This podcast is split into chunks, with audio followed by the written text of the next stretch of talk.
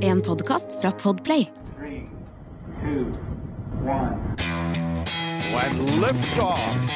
One, two, three, four, five, five, four, three, two, one. Enter bed. Okay, we checked all four systems, and there you go on modulation, all four, and keying with a go. Quality base here.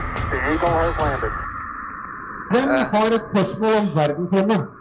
Ja, altså, du, Det er ikke bare begrensa til romfart. Altså, For det første er det noen som, etter det vi hørte om romsøppel er det noen som har noe som helst refleksjoner? Det behøver ikke bare være spørsmål. Om du har en tanke rundt det, rett og slett. Om det er noe som eh, Om du ble redd eller glad eller skremt eller Katter? Ja, katter svarer jeg veldig gjerne på. Det kan vi også gjøre. Det er veldig stille her. Der var det en arm! Biler bakerst er. Ja, ja. Alle her er det, ærlig talt. Eh, Nå har jo The Last of Us og Zombie Apocalypse vært litt i vinden i det siste. Begynner der, er tilbake. Hva skjer med romstasjonen hvis det blir hvis verdensretten går til helvete?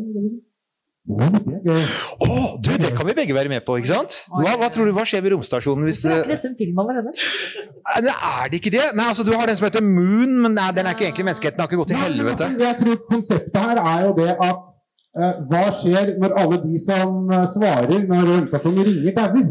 Ja Vel, ja, altså det er jo sånn at disse romskipene altså de, de kan jo reise ned til jorda i romkapsler.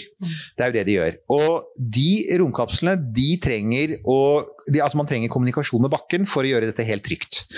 Eh, helt spesifikt så er vel kanskje Jeg vil tro at SpaceX er mer ille ute, for de lander faktisk til sjøs. Så hvis ikke det er noen på jorda til å ta imot, så vil det si at de plumper ned på et litt sånn tilfeldig valgt sted. For igjen, jeg tror det blir vanskelig for dem å treffe presist uten noen kontakt med bakken. Eh, og da vil de lande et eller annet sted i sjøen, eh, langt fra land, uten noen båter. Så jeg ser jo for meg, for tross alt mesteparten av verdenshavene er langt fra land, så jeg ser for meg at de folka der veldig fort kan ende opp i en sånn der eh, sånn livbåt, sånn annen verdenskrig, båten din er sunket og du er alene midt på Stillehavet, og alt du har å spise er det er kameraten din, og du har din egen urin å drikke. Jeg tror det fort blir det. Vi har allerede hatt Constellation Urinus i, ti, i forrige episode, så vi er inne på et tema her. Det er, det er i hvert fall det. Så er det Soyuz kan jo da lande i Kasakhstan, men igjen, da. Det er jo, altså, de er veldig avhengig av bakkekontakt, så jeg tror det, jeg tror det går ganske galt. Jo, men, det, men altså, det, Man blir værende på romstasjonen, så er det begrenset med ressurser der også. Det er jo, du må jo på et eller annet tidspunkt forlate for å overleve. Det er det du må! Hvor, hvor lenge? Hvor lenge? Det er litt sånn som sånne eh, sovjetiske og, og Nå bruker jeg Sovjet helt med vilje, for det er det de vil at det skal være. Eh, sovjetiske og amerikanske atomubåter de kan jo være neddykka veldig lenge. Og der er det jo basically mattilgangen som eh, begrenser hvor lenge de kan være ute på topp.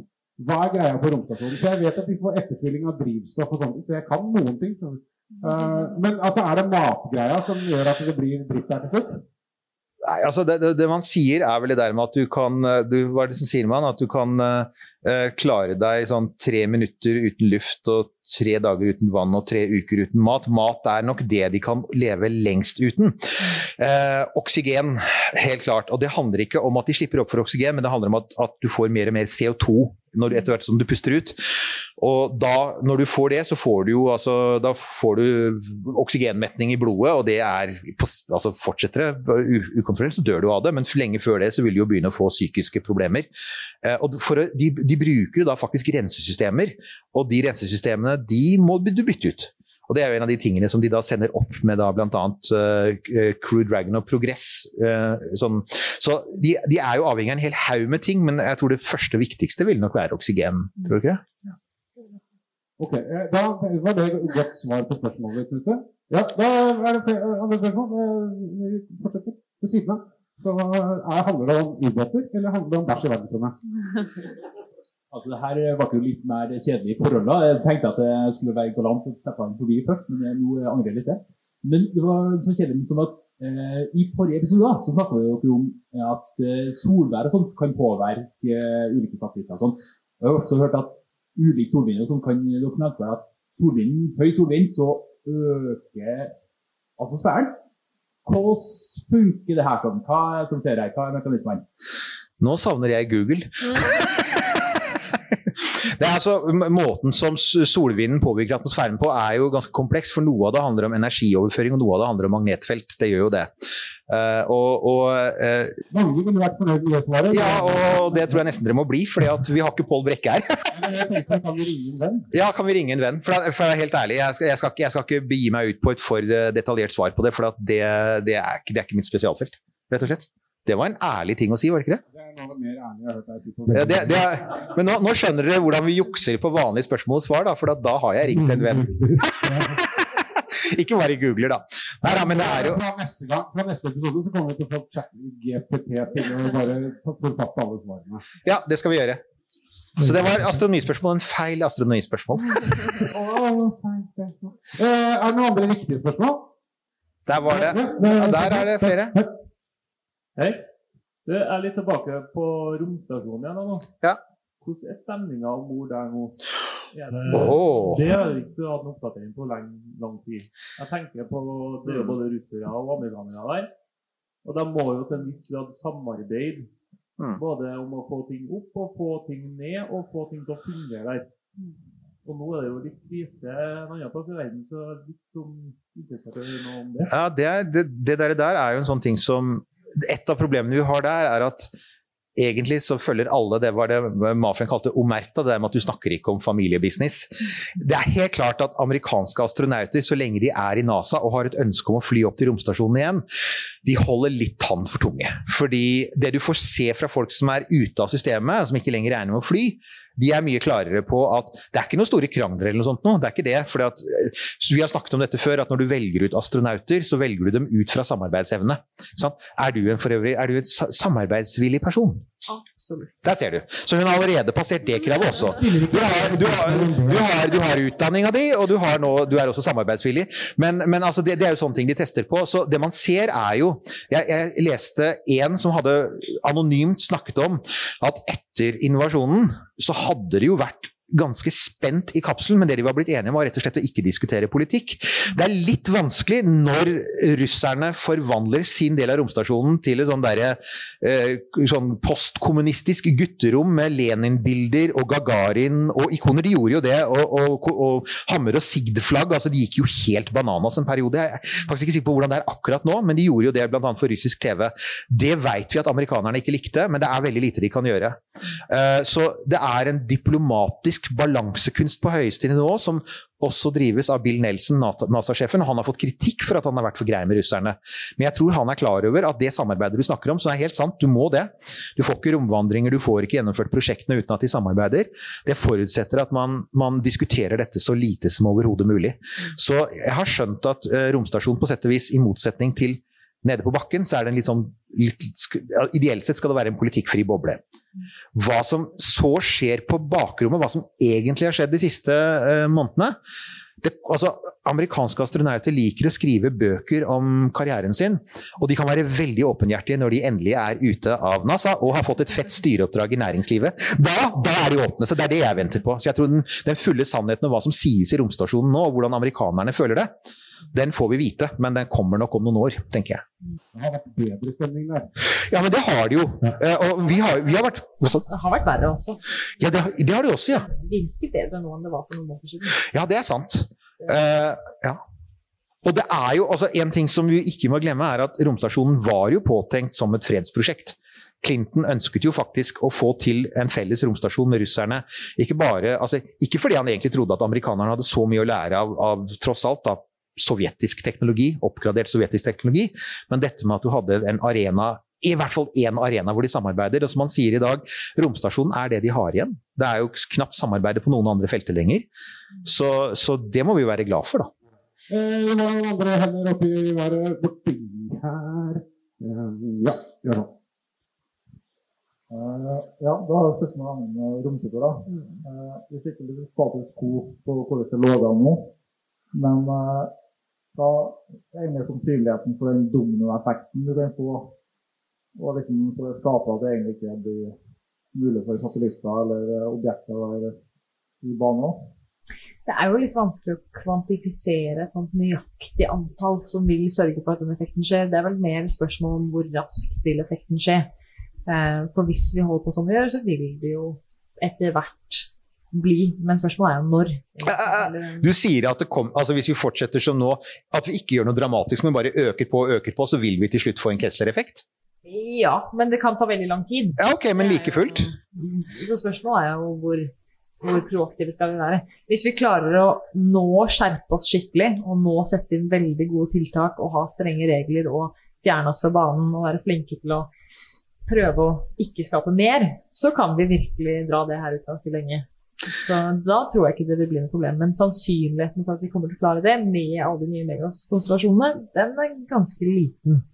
Um, altså, lav jordbane trenger sånn extinction rebellion, gjør det ikke det? Man burde egentlig ha noen som sånn da lenker seg til raketter. Kanskje ikke den nederste delen, men, uh, men, altså, men altså, virkelig, vi trenger, vi trenger kanskje en kampanje. Altså, hva, ja. Gjøres det noe? Altså, det, altså, vi snakker jo om at vi burde gjøre noe sånn politisk eller juridisk. Altså, er det regjeringens, regjeringens klimautvalg har 99 problemer, og romsøppel er ikke et av dem, dessverre. Spør du meg, så burde det være det, men de hører ikke på meg der, da. Men det er jo litt eh, Jeg snakket med noen på NASA om det her, og de sier jo at den delen som jobber med dette hos både NASA og ESA, kommer til å være underfinansiert inntil den dagen en skikkelig krise skjer. Ja. Dette er et sånt problem som man uh, tenker at ja, ja, men det har jo gått litt greit så langt. Så det, så det, ja, det er vanskelig å si akkurat uh, så mange satellitter trenger vi, eller akkurat så mange biter av søppel trengs det, og så vil det skje. Fordi det er en veldig gradvis prosess som er vanskelig å kvantifisere. Men akkurat den prosessen du skildrer deg med at ja, men det har gått bra fram til nå, den har jeg aldri hørt om før, så jeg er ganske sjokkert. Mm. Hvor gøy er det å kunne si den setningen 'Jeg snakka med noen i NASA'? Ja, jeg tenkte det samme. Mine venner i NASA. min, min, veileder astronauten. Ah, ja. Min veileder astronauten. Det, det, det, du tok ikke den ned, du løfta den akkurat litt opp. uh, nå skal vi gå tilbake til månen. Og James Webb har allerede blitt truffet av flere mørkemetere. Å oh, ja. Hvor viktig kommer Skjold for å ja, du ser jo hvordan månen ser ut, at den har blitt truffet et par ganger. Nå. Det er jo ikke ulikt. Ikke sant? Det mønsteret du ser på panel nummer to her, er ganske likt som månen ser ut. Så vi ser jo at den er ganske utsatt. Eh, og har blitt truffet mye gjennom tidene, da. Men mange av de aller fleste er jo veldig, veldig gamle, da. Um, men absolutt, det er jo noe man er nødt til å ta hensyn til. Men det gjelder jo ikke bare for meteorittene at man ønsker å beskytte seg, det er jo strålingen også. At man vil jo gjerne bunkre seg litt inn uansett. Så det er jo ikke Det har, kan jo ha flere gode effekter for å ha litt gode. Ja, og så er det vel en ting med månen. altså En av de tingene man snakker om der, er jo at uh, man vil ha et skjold. Da, men det skjoldet vil jo som du sier både være for stråling og for mikrometeoritter. For en ting vi ofte ikke tenker på, er alle de meteorittene som treffer jorda som bare brenner opp i atmosfæren. De er, de er så små at de ikke nødvendigvis ser dem engang. Senest i natt eller i går kveld over eh, Frankrike og England. Ja, der ser du. Mm. Og jeg får stadig vekk sånne meldinger. Du, jeg har sett denne tingen her. Det jeg alltid sier til folk da, er at de må gå til Norsk Meteornettverk sine sider, for de har jo satt opp en del kameraer. Og de får med seg veldig mye av det som skjer over eh, Sør-Norge. Uh, og også langt nordpå, faktisk. Mm. Dette er jo frivillig, så er, her kan man ikke si hvorfor støtter ikke staten ting i Nord-Norge, for dette er en liten gjeng som driver en gammel Linux-maskin ved, ved Harestua i, i, Lunder kommune og prøver å, og, og prøver å, følge med på alt som faller ned i atmosfæren over Norge. Og de får ikke fem, for de hadde en crowdfunding, jeg bidro jo til den. Ja, men det er litt rart, altså. Det er det, for det faller jo ned svære bolider og alt mulig. Og, de, og, det vi ser nå når vi setter opp kameraer, det er jo at det, faller ned mye mer enn vi trodde før. For at, altså, nå, nå, vet vi det. at altså, Vi har alltid visst at det faller ned en del, men det er ganske mye. Men det vi også da kan tenke på, er at for hver vi kan se, som vi ser fordi det finnes en atmosfære som får dem til å gløde, så tenk på at på månen er det ingenting. Så selv de minste, så bitte små partikler som kan slå seg gjennom en tynn metallvegg, de går jo rett ned, de. Helt ustanset. Og det er derfor du da trenger et deksel, men det de snakker om er jo faktisk å bruke måneregolitt, altså månesand, månestøv, og legge det oppå metallrør. Uh, og det er jo, Vi hadde jo en sending hvor vi snakket om at Komatsu, anleggsmaskinprodusenten, husker du ja, Gravemaskiner. Gravemaskiner. De, de, har jo faktisk eh, fått i oppdrag av den japanske regjeringen å lage anleggsmaskiner for månen. Foreløpig bare i simulert versjon, men grunnen er at man ser for seg at du skal kunne grave ned rør, og så grave over. Og da har du effekt både for sant, meteoritter og for stråling. Og for så vidt så har du også stabil temperatur. Det er ganske mye du vinner på den måten. I mars skal jeg søke om det finnes studie på måneregulert-kollisjoner. å, så kult! Altså virkelig, så- altså, er, det, er det en sånn altså, hvor, Hvorfor er det hva, hva hva er det med måneregulitt for deg? Altså, Nei, det er jo rett og slett altså, det er jo en veldig annen case hvis vi har uendelig altså Hvis jeg er på månen og kan bruke materialene vi har der, så har vi jo ikke den plass- og, og vektbegrensningen. ikke sant? Ja. Den skal jo være så, så lett og så liten som mulig, men på månen, hvis vi har nok av ressurser, hvis du antar da, at vi kan bruke ganske mye av Ah. materialene vi har der, så kan vi egentlig Det er litt annen designbegrensninger, da. Men jeg er veldig spent på å se om noen faktisk har skutt på det. Ja, men, ikke sant? For det jeg vet er at man har skutt på og man har laget simulerte månekratere. Mm. Men det du sier der er jo kjempeinteressant, for det, har- det, det har jeg aldri tenkt på. For man, man sier bare sånn Jo, vi, vi graver en grop, så tar vi et metallrør nedi det, og så skyver vi f.eks. en halvmeter med måneregolitt med en sånn Komatsu-sak, og, så, og så er det greit. Men denne regolitten er knusktørr. Mm. Den er også veldig elektrostatisk. Den klistrer seg jo til ting på helt andre måter enn støv på jorden gjør. Så den har helt andre mekaniske egenskaper enn jordisk finkornet sand og støv. Så det sier seg selv at du bør forske på det. Det har jeg aldri tenkt på. Good thinking. Artemis Artemis er for øvrig It's the game in town. Altså, Absolutt. der er det penger. Der er det penger, ja. Ja, ja. Men altså, det dere sier her nå, er det betyr at det bare var flaks at ikke noe gikk gærent på månen forrige gang det var folk på besøk? ja, men det var det jo. Nei, men altså, ikke ble truffet av noe som gjorde at det gikk ordentlig opp skogen? Ja, Egentlig. ja altså vi, Det, var, det folk, det hadde voksne glemt å tenke på da. Ja, altså, det, det er jo interessant det der, for altså, eh, man var jo veldig opptatt av meteoritter på den tiden. Og, og man hadde en periode hvor man faktisk overvurderte antall meteoritter. Man trodde det var mye mer meteoritter mellom planetene enn det det var. Men dette visste NASA. Så det var jo en viktig grunn til at det stoppet på Apollo 17. Alle visste at Apollo var et midlertidig prosjekt. Du kunne ikke bygge baser på månen med den teknologien, for at, da kom folk til å dø. Det var jo, det var jo sånn sett gambling. De døde nesten på Apollo 13, og det var bare et spørsmål om tid. Så, så Nei, det er sant, det. det er jo, de, de, kunne, de kunne blitt truffet av det òg. Og da må jeg bare minne om at Apollo-astronautene var jo redde for å liksom kjøre albuen gjennom veggen, ikke sant? For det, det, det var jo det var, liksom, det var ikke aluminiumsfolie, men det var ikke veldig mye tjukkere, altså. Så det hadde jo ikke stoppa, noe. Det hadde jo ikke engang vært som den plata der. Du tenker dette her er en solid plate. Det hadde jo vært som noen sånn myk variant av dette. 1202. Eh, Mars har jo en liten atmosfære. Hvordan beskytter den i forhold til atmosfæren på jorda? Den gir beskyttelse, det gjør den jo. Uh, og du vil se Mars-atmosfæren er det, det er nok av den til at den for det første forandrer uh, karakteregenskapene til regolitten på Mars. Så regolitten på Mars er fremdeles ganske klistrete. Det ser man jo på de romsondene som er der, men den er ikke så ille som på månen. og Den er heller ikke så kantete, for det er faktisk bevegelse, så det blir litt sliping. Uh, vi vet at det er, altså det er jo observert meteoritter på overflaten til Mars. De bærer litt preg av varmeutvikling, men det er klart det er 1% av Mars-atmosfæren er 1% av tykkelsen til det du har på jorda. Så de store meteorittene vil ikke stoppe. Men de små, det der jevne sånn mikrometeorittregnet, det vil utvilsomt ha en, en ganske god effekt på. Men også der, på, også på Mars er man jo veldig opptatt av at du kommer til å måtte grave ting under Legge et rør, grave en grop i bakken, velte et rør oppi det, og så legge massevis av materiale over. Og det går mest på strålingsnivået, for det er høyt. Så, så det, det, kommer til å bli aktuelt uansett. Så hver gang du ser disse tegningene av sånne der, uh, hvite sylinderformede Mars-baser, eller disse, disse domene hvor folk løper og er sånn glade familier med bestrålte barn Det er jo litt der vi er altså på Mars. Det Nilsen. Ja, det er det. Eh, Det var når han på Jepp. Ok, Det er spørsmål til alle tre. egentlig. Ja. Um, hva er favorittparten, deres, og hvorfor er det Pluto?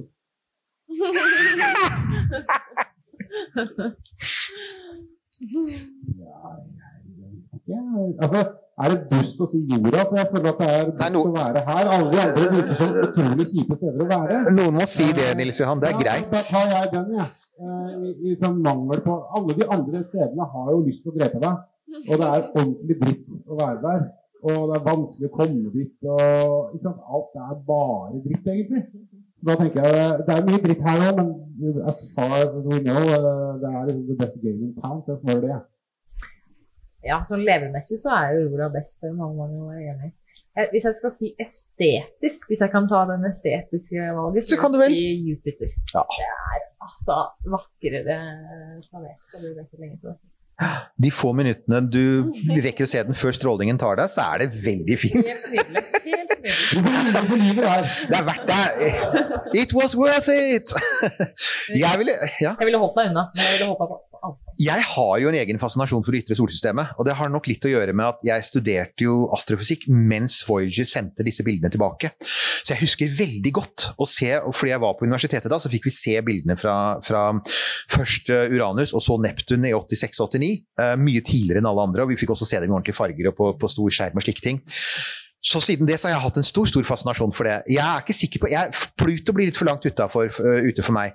Uh, ur, altså, Neptuns måne Triton den syns jeg er kjempespennende. For det er egentlig litt som Pluto. Det er altså et sånn iskaldt objekt. Går i feil type, går i retrograd bane. Kommer til på et eller annet tidspunkt til å smuldre opp pga. intern gravitasjonsspenning. eh, har kryovulkaner. Kan muligens ha et undersjøisk hav. Til og med den har man lurt på om det kan være noen sånne mystiske små bendelormer inni. ikke sant? Det er litt der. Jeg, jeg vil si, hvis, du, hvis jeg tenker på sånn utforskeren i meg, da, for jeg er jo 58 år, så jeg vil helt klart ikke være rette mannen å sende til Mars for å kolonisere og dyrke Ja, sånn, nemlig dyrke folk. Sånn der uh, Isak Sellander og Markens grøde, sånn pløye jorda, det overlater jeg til ungdommen. Men hvis man skulle reise ut et sted for liksom å bare dra ut og gjøre sånn, sånn skikkelig eventyr, så vil jeg si uh, Triton som For du kan ikke si Neptun, for Neptun har ikke noen overflate. Så jeg, jeg, jeg bryter litt med kravet ditt. Men så, det, så får jeg minne om en ting. Du kalte Pluto en planet, for jeg bare minner om at Pluto offisielt ikke er det. Men det er det. Pluto er en planet, det er bare at du får ikke lov å si det høyt, for da blir du cancelled i astronommiljøet. Ja, eh, flere spørsmål? Ja, vi går tilbake. Hva handler det om denne gangen? Eh, litt sånn tilbake til ting som treffer alle ting i verdensrommet. Eh, hva tenker du om krigføring i verdensrommet? Er det noe som kommer til å skje? Du, vi forsømte oss, vi glemte å snakke mer om det, ikke sant? Det- Godt poeng, hva syns du? Det er jo en veldig, veldig farlig vei å gå, da. Det er jo det. Men Det har aldri hindret noen, da. Unnskyld, men det har ikke det. det er jo en økende trussel. Det er jo ikke så lenge siden Nato anerkjente verdensrommet som det nye krigsdomenet. Eh, Så det er jo en økende fare for at det kommer til å skje mer og mer. Eh, Alle er vel ganske klar over at hvis man først begynner å gå ned den veien, så er det ikke mye annet man får gjort eh, med de banene man gjerne skal bruke til vitenskap og forskning. Jeg tenker noe av det samme, så tenker jeg også at, at i gamle dager, eh, på 60-tallet f.eks., så var man mye mer opptatt av sånn såkalt high frontier, dvs. Si krigføring langt unna lav jordbane. Fordi at krigføring i rommet i dag handler i stor grad om å bruke krig, altså å bruke lav jordbane, og kanskje litt høyere jordbane, typ GPS og observasjonssatellitter og slik sånne ting, som eh, støttende funksjoner for krigføring på jorda. Men krig, altså krig slik du tenker krig som uavhengig krigføring, altså krigførende parter langt ute, hvor du ikke lenger egentlig er bundet til en kamparena på jorda, men du kan tenke deg at du har kamper. Det, det planla man jo for på 60-tallet. Du har jo dette der, eh, Amerikanerne hadde Project Horizon, som var en respons på sovjetiske planer om å bygge månebaser, og så skulle de løpe omkring med taktiske atomvåpen og skyte på hverandre. Husker du vi har snakket om det? Ja. Hva det noe Project Star Ja, Det De var- de var- ideer eh, når det kommer til verdensrom og atombomber. Eh, og det er jo Man tenker ja, her er det ingen som kan slå noe stråling, så vi kan, her kan vi bare myke. Det var jo sånn man Det høres jo ut som en intens dårlig idé. Mye dårligere enn å gjøre Det gjør det. Igjen, igjen så har det aldri hindret noen, men det som hindrer den typen krigføring For altså at vi, at vi allerede i dag faktisk har pågående ja, jeg vil si krigføring. Altså, vi har jo, du har jo massevis av, om ikke direkte våpen, så har du i hvert fall massevis av våpenstøttesystemer ute i rommet. Eh, sånn krigføring lengre ute, eh, ute blant planetene, ute på månen, ute på Mars og sånn, der har du jo problemer med avstandene. ikke sant? Der har du problemer med tiden. Der har du også et problem til som vi ikke så ofte tenker på, og det er at eh, rommet er gjennomsiktig. ikke sant? Det er jo krystallklart og gjennomsiktig, så det å gjemme seg i rommet Man pleier i science fiction ofte å tenke sånn cloaking devices. ikke sant? At vi skal klare å finne på noe som skal gjemme oss. Fordi, og det gjør man bl.a. fordi at hvis du skal sende et romskip for å angripe noen på, på Mars, så vil de si si ah, de sitter der og sier ja, nå har de reist. Ja, de er her om seks måneder. Eh, vi får begynne å tørke kruttet om fem og en halv måned. ikke sant? Det er litt det, så det er I motsetning Star Wars er veldig raskt. Eh, ekte krig i rommet av den typen er altså, Å se maling tørke, er, det er en actionfilm, altså. Så, men han har armen oppe. Er det oppfølger? Jeg tenkte litt sånn, eh, Hvis eh, russerne da skyter opp en ny romstasjon, da. krig mellom romstasjoner, er det liksom noe man har tenkt på? Ja, altså, vet du? Helt ærlig, russerne tenkte på det. Det vet vi bl.a. fordi første, en av de første operative russiske romstasjonene, Salyut 3, den hadde en 20 mm maskinkanon. Så de hadde altså faktisk med seg maskingevær opp i rommet.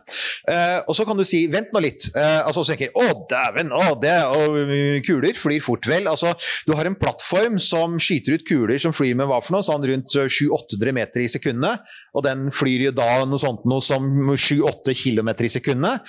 Og husk på at du er jo da i vakuum, så du får jo da du, kule, altså Kulebanene faller jo da ikke pga. friksjon, men de faller jo pga. jordens gravitasjon. Jeg tror russerne veldig raskt oppdaget at det der med å prøve å sikte på noe For at det skulle funke, så måtte det objektet du fulgte, måtte gå i nøyaktig samme baneplan som deg, og egentlig samme høyde. Hvis ikke, så er det for kinkig.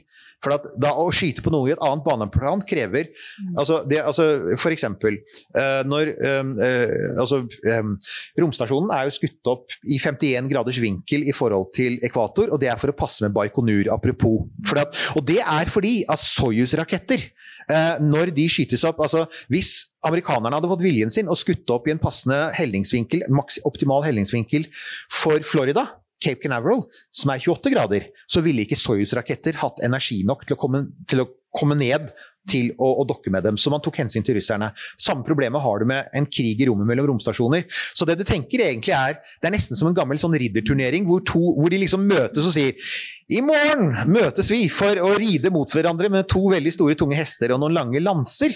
Eh, for på ingen annen måte kan det gjøres. Det sånn, er vi enige om å kjøre disse romstasjonene mot hverandre, da gjør vi det. Hvis ikke, så er det temmelig umulig. Og det er igjen, da. Banemekanikk, avstand, vakuum, energi, kostnad. Alle disse tingene. Stråling, selvfølgelig. Alle disse tingene gjør at den derre Star Wars-modellen for krig i rommet, den er heldigvis ganske urealistisk. La... I hvert fall når de har bevist at de kan treffe ting fra bakken, så er det jo veldig lite ressurseffektivt. å- Ja, en, det, ikke sant? I tillegg, ja. Uh, To oppfølgingsspørsmål på ting som har vært nevnt her. Uh, Det første er for, som du sa om uh, tidligere spionsatellitter som brukte kassetten. Ja. Da fikk de opp og ned. Ah, det, det der, der er eh, Disse tidlige spionsatellittene de, de begynte allerede på slutten av 1950-tallet. Eh, altså de, sendte sat, de sendte satellittene opp med ferdige filmkassetter som så ble kjørt gjennom kameraer. Og fordi dette var høykvalitets, det var den høy, mest finkorna filmen du kunne få, og høyest kvaliteten filmen ble spesialprodusert for det amerikanske forsvaret, så hadde de faktisk mye høyere oppløsning enn det du kunne få med noe digitalt på veldig lang tid. Så det var faktisk folk i det amerikanske forsvaret som ville holde på film etter at du hadde fått digitale brikker. Når filmkassetten var brukt opp, så ble den spyttet ut av satellitten eh, i en egen liten romkapsel med varmeskjold.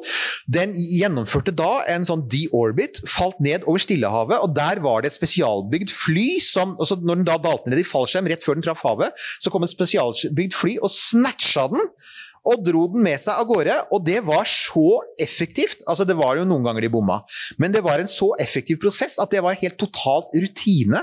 Det amerikanske forsvaret, helt altså fra ca. 57 til midt på 70-tallet, så foregikk dette. Så det var jo en egen skvadron da, i det amerikanske luftforsvaret som kun hadde som oppgave å hente disse kassettene. Det var ett problem med dem. Det var mange, altså, det, en ting var at det var dyrt, og det begrenset satellittenes levetid. Så en av de tingene du ser på den tiden, er at det er ganske mange rakettoppskytninger. Det er en ting som vi, altså I våre dager har vi mange rakettoppskytninger igjen, men du har en sånn periode på 60- og 70-tallet også hvor det topper seg litt. Og En av grunnene var at du stadig skjøt opp nye satellitter. De, sovjeterne gjorde det samme. Um, så, uh, så det, det, var, det, var faktisk, det, var jo faktisk, sånn de gjorde. Ja, det, er en, det, er en, fascinerende historie, det der. Altså. Ja, det er vel millionervis av meter med, med film. Ja, og så, så, som jeg glemte å si nå, altså, så er det altså en stor ulempe med det var selvfølgelig at det var det var, eh, hvis det dukket opp en, altså hvis du bare skulle kartlegge f.eks. Eh, sovjetiske missilbaser eller andre militære anlegg som lå der fast, så var dette en helt grei metode. Hvis det dukket opp en krise, så hadde du et problem. Og det var to kriser på slutten av 1960-tallet som tok amerikanerne på senga pga. at denne, denne filmkassettmetoden hadde en innebygd treghet. Du måtte jo f.eks.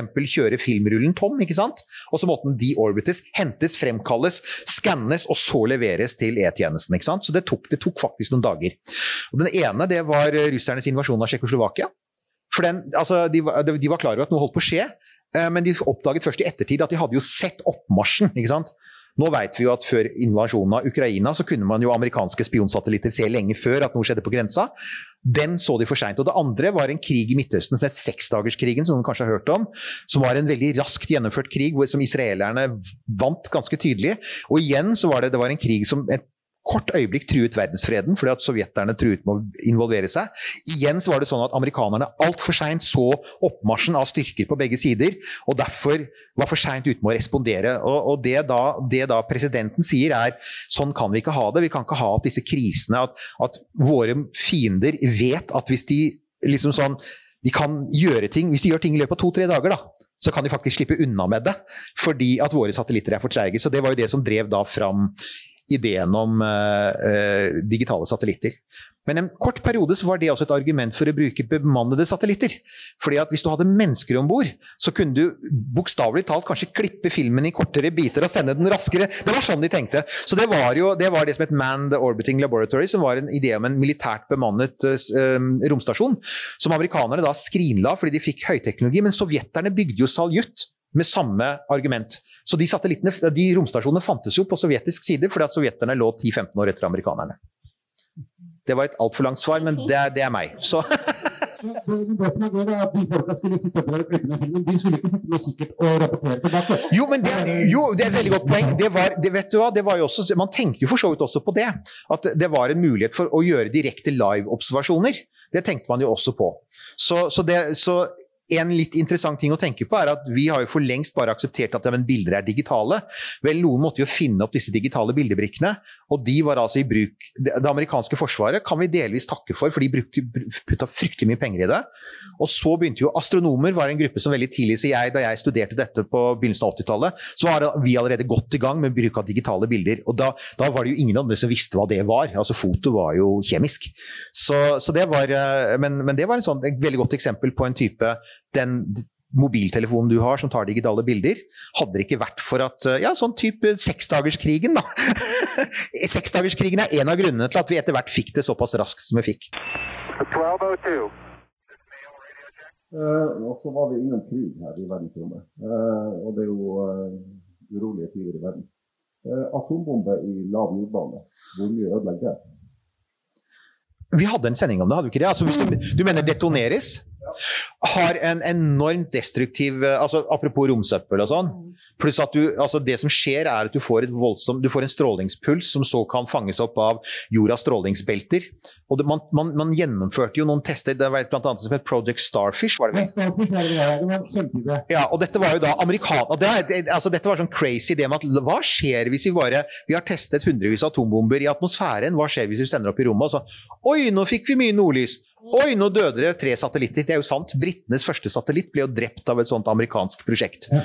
Og det var først da russerne begynte å si ja, men dette vil vi også gjøre, at amerikanerne fikk panikk. For det de ble redde for, var at de kunne risikere å skape et, et kunstig strålingsbelte som kunne hatt den samme effekten på romfarten som eh, romsøppel som du snakker om nå. At du i, mye lavere jordbane så kunne du hatt en partikkelstrøm som da kunne ha slått og som kunne vært skadelig for astronauter, f.eks. Mm. Så der, der besinnet de seg faktisk av, av eh, felles egeninteresse. Så hvis man gjør det, Men det har vært foreslått, man har spekulert i om Kim Jong-un som jo neppe, i Nord-Korea som neppe er i stand til å skyte en rakett som presist treffer USA. Men at de rakettene de har, og de bombene de har, kanskje kan detoneres i verdensrommet. Mm. Det er en mye lettere oppgave, for du trenger ikke å sikte noe særlig. Du skal liksom bare være 150 km over bakken, smelle den, og så bare lene deg tilbake og se alle partiklene. Og så, juff, og så ser jeg en, en, EMP, elektromagnetisk puls, liksom få ting til å skje der oppe. Det har man jo sagt om at det kunne han jo faktisk gjøre, og det ville, også, det ville jo ikke drepe folk direkte på bakken, men det kunne vært ekstremt destruktivt for kommunikasjonssystemer og slike ting. Så det er, det er en mulighet. Og man har testa det, og det var en innmari dårlig idé. Og som jeg har sagt i stad, dessverre har det aldri hindret noen. Det er mye folk gjør når de voksne ikke er hjemme. Eh, flere spørsmål? Ja, her er flere spørsmål. Ja. ja. Jeg lurer litt på eh, hvordan spacebransjen tar hensyn til mangfold. Mm. Det har jo ikke vært den mest mangfoldige bransjen, for å si det mildt. Nei. Verken på bakken eller i rommet. Det har jo en lang historie av eh, diskriminering på både det ene og det andre. Men det blir jo gradvis bedre og bedre. Det er jo eh, Siste astronaututlysningen er jo delvis et svar på det. mm. Eh, NASA ble jo tatt for dette grundig, fordi NASA ble jo for det første tatt på senga da sovjeterne sendte opp Valentina Tereshkova som den første kvinnelige kosmonauten, og det var jo det var jo i 65. Og det tok jo Det var jo først med Sally ja, ikke sant? Og så tok Sally Ride var vel 1983, og der, det var også da du hadde den første svarte amerikanske astronauten. Der var sovjeterne også før. De sendte opp en cubaner. Mm. Så de var de første. Men du har helt rett. Og etter det så det ble så mye leven eh, det, altså det ble, etter hvert så kunne ikke NASA stoppe det. En av de tingene som førte til at de måtte skjerpe seg, var behandlingen av Sally Ride. Sally Ride fikk møkkers behandling, det har hun snakket om i ettertid. Sally Ride ble beskrevet som en bitch, som fæl. Sally Ride fikk absurde spørsmål om, om kvinnelig uh, fysiologi. Som for eksempel, ja, det, var de foreslo? De foreslo å sende opp noe sånt som 100 tamponger, ikke sant. Og, det, og, og, de, og veldig mange av disse her crew cut militærgutta var oppdratt i tradisjonen med at, um, at menstruasjon kunne gjøre at du kunne blø i hjel i vektløshet. Det var sånne vanvittige ting. Altså, det var så mye. Men først og fremst behandlet de henne ekstremt nedlatende som kvinne. Og jeg har lest biografier skrevet av mannlige amerikanske astronauter som er helt sånn åpne på at jo, men henne var vi jo For hun var horribel. Og det var liksom, De stilte aldri spørsmålet det er mulig at hun kanskje kjente litt på det at hun var den første kvinnelige astronauten, og, og at hun bare var omgitt av totalt alfa-macho-hanner. Men det har NASA retta på, så flertallet av astronautkandidater i dag er faktisk kvinner. Det er én ting. Og de har blitt mye mer opptatt av også uh, altså etnisk representasjon. Så NASA leder an nå. Og det nye nå er parastronauter. Ikke, Norge er på ballen nå, så er man. Altså. Ja, det er kjempekult. Nima skal ha det. Og å ha et uh, priv privat astronautkorps. Vi må si det er astronautkorps, vi vet jo ennå ikke helt hvor mange som blir trukket inn i dette. Men at halvparten da faktisk har funksjonsnedsettelser, er dritkult. Og det er, vi har jo den episoden eh, med. Lena Skrøder, som spiller den skumleste sporten jeg har sett utafor Rollerball, den science fiction-filmen fra 1983. Den der, eller hva den nå var. Det er sånn, vi har disse her, eh, Det er altså parahockey. Hvor de sklir rundt på en diger, dødelig utseende skøyte. Eh, og så har de sånne piggkøller. De pigger seg rundt, og så på toppen så er det ishockeykøller. Ja, men hallo! Møte det en mørk vinternatt. Så ja, det er, Men det er kult. Så det skjer, det har, de tar det veldig alvorlig nå. Eh, og den siste astronaututtaket som skjedde i fjor høst, der er de også veldig klare på det. Så hvis du går inn på ESA sine sider, så skriver de om det, og de er opptatt av Uh, av, av igjen, kjønn og av, av funksjons- uh, og av etnisitet. Uh, det er det jo. Så det har bedra seg. Men, eh, men det er en ganske, ganske lang tradisjon, da. Det er det jo. Ja, det er veldig mye vi ikke har eh, forsket på på annet enn menn. Når det gjelder eh, Ja. hvordan kroppen oppfører seg i verdensrommet. Ikke sant? Ja, det der, der Hvordan er stråling påvirker er ulike veldig, kropper. veldig interessant det der med strålingsdose hva man tåler og så videre. Det er det. Og der kom en ting til. Det er ikke så mange år siden vi hadde den situasjonen. Det var jo, det vi, vi hadde vel Marianne fra Romsenteret til å snakke om denne her rare situasjonen. Altså, den er jo ikke rar, den er jo typisk, men det at de sleit med å finne en romdrakt som passet til romvandring. Altså Flight suits vil du alltid få til å passe, for de er ganske lette å tilpasse. Men, men, men ekte, mens ekte sånn EVA-romdrakter er jo veldig spesialkonstruerte, og da var det, hadde man tenkt for lite på det. Av en eller annen merkelig grunn, ikke sant. Så, så ja. Var det eh, gips.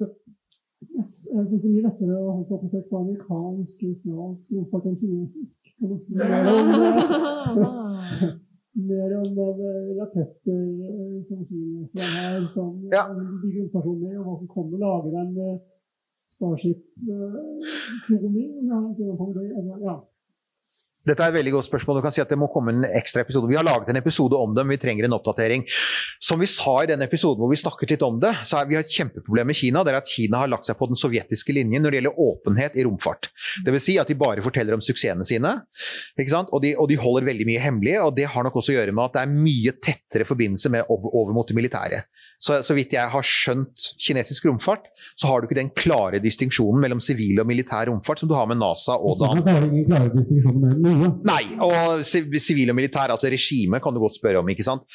Men eh, det, det, det kommer jo en del ut. og vi, det, jeg, altså jeg følger jo en del kilder både i sosiale medier og ellers for å se hva, man, eh, hva som skjer. Og en av de tingene som er interessante med Kina nå, er for det første, de er ekstremt ambisiøse. Eh, SpaceX slo dem på antall oppskytninger. Det er sant, og det sier folk. Ja, ja, SpaceX var større enn Kina. Ja, ja, men ok, 60% av de oppskytingene var deres egne Starling-satellitter. Hvis du skal se på mangfold, bredde altså, og ambisjonsnivå, så er det ingen tvil om at Kina ledet an i fjor. Med flest oppskytinger og de mest ambisiøse oppskytingene, fordi de bygger en romstasjon.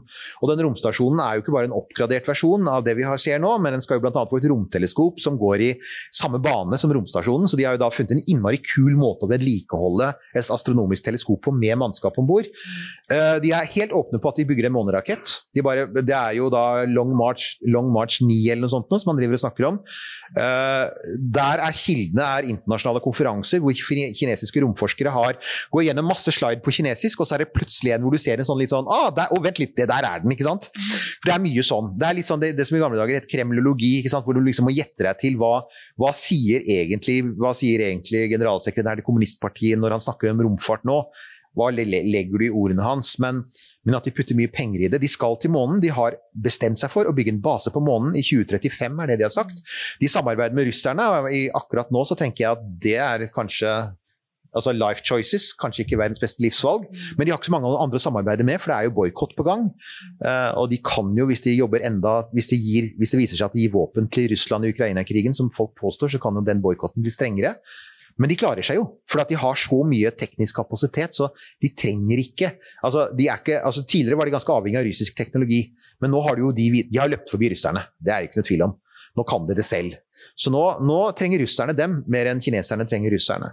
Og du har helt rett. De har en blomstrende privat rombransje, og det sier jeg fordi at private kinesiske selskaper er ja, de har ofte en tett forbindelse med noen i kommunistpartiet eller er statskontrollerte. Men de har private selskaper som nå tester alle de ulike typene med teknologier.